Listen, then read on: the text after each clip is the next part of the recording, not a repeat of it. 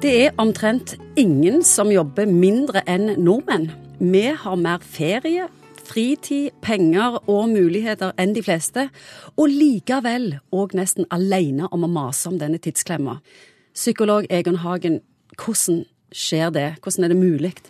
Jeg tror at når du skal forstå mange samfunnsmessige spørsmål som dette, så tror jeg det å follow the money, følg pengene, jeg tror det ligger mye svar der.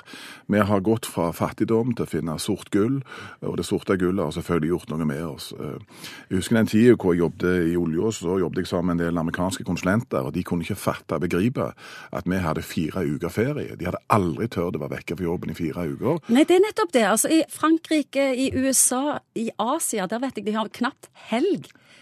Der maser de ikke om tidsklemmer.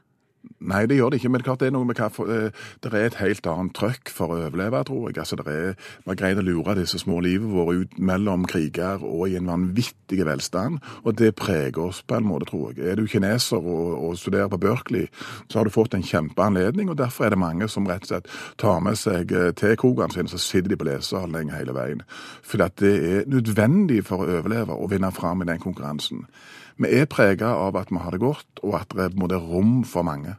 Har vi nordmenn da blitt noe usympatisk, eller noe litt feil? Når du snakker med andre folk, så opplever de kanskje at vi, vi kan framstå som lite ambisiøse.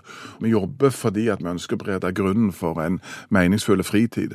Og for mange andre så er nok fokus kanskje i større grad egentlig på jobben. Og det er nok ikke fordi at vi er annerledes, men at vi har tilpasset oss en økonomisk virkelighet i forhold til jobbtrygghet, i forhold til likhet osv., som gjør kanskje at mange vil beskrive oss som å være mindre sultne faktisk enn en del andre er. Vi er jo annerledes på den måten at nordmenn er mer opptatt av fritida si enn jobben, sammenlignet ja, ja, med resten ja. av verden. Hvis du ser på det historisk på dette, så har f.eks. britene reist rundt i hele verden og drukket gin tonicere og kost seg, mens vi har levd i fattigdom. Vi er i Stavanger nå, og Trehusbyen, som vi syns er skjønn og vakker, er egentlig en historie om fattigdom.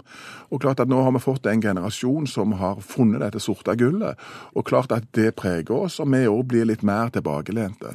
Men jeg, vil, men jeg syns på en måte det er, det er litt deilig òg å være, være den generasjonen som har anledning kanskje til å sitte i fluktstol kanskje mer egentlig enn det de gjorde tidligere. Men det jeg har lyst til å bore litt i, det er ja. disse småbarnsfamiliene med to og tre, fire barn, og som ikke får det til å gå i hop. Og de går i speideren og i korpset og fotballen og koret og alt mulig. Av og til tenker jeg at det, bare ha det så godt. Som en rederliggermann. Hvorfor kan du ikke bare slutte i koret og speideren? Ja. Nei, klart at har sneket seg inn en mentalitet der hvor altså Det er akkurat som på en måte de gode tingene med at foreldre skal følge opp ungene. Istedenfor å være gode råd, som du kan tenke på, så er det blitt imperativer, altså tvangsmessige ting.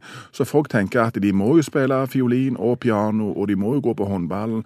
Og til og med når jeg, jeg vokste opp, så var det jo at de som likte fotball og passet til fotball, de spilte fotball. Men nå er det jo en drøss med unger som egentlig ikke liker fotball, som allikevel må gå på fotballen. Så det er, det er blitt noe, noe tvangsmessig kanskje over det der å være foreldre foreldre. Og klart at eh, som du reder, så ligger man, og hvis du på en måte Men jeg tror jeg, jeg er utviklingsoptimist. Det vil si, jeg tror at når folk har holdt på en stund, så, så finner de en justering tilbake igjen og sier at uh, rolig nå, liksom. Uh, rolig kjetting, altså ankeret flyter. Det går litt fort her. Uh, og Ommøblere litt og nedskalere? Ja, ja, det tror jeg, og det tror jeg kommer. Jeg tror det, og det trenger vi heller ikke verken sosiologer eller psykologer ta mening noe om. Jeg tror at vi er ganske selvjusterende der.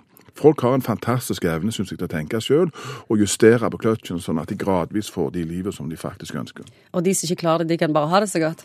Ja, det er litt, tar du mange dumme beslutninger, gjør du mange feil, så klart at livet ditt blir mer stusslig enn om du er, kan justere og liksom dynamisk posisjonere deg etter hvert som du oppdager hva livet koster, og hva, hva, det, hva som smaker og hva som ikke smaker. Det handler ganske enkelt om å ta de gode valgene? Gode valg er viktig. Altså, jeg har hatt mange som har kommet til meg og sagt at hvorfor har jeg så dårlig liv? Ja, du kan jo begynne med å begynne å fatte noen mer forstandige beslutninger.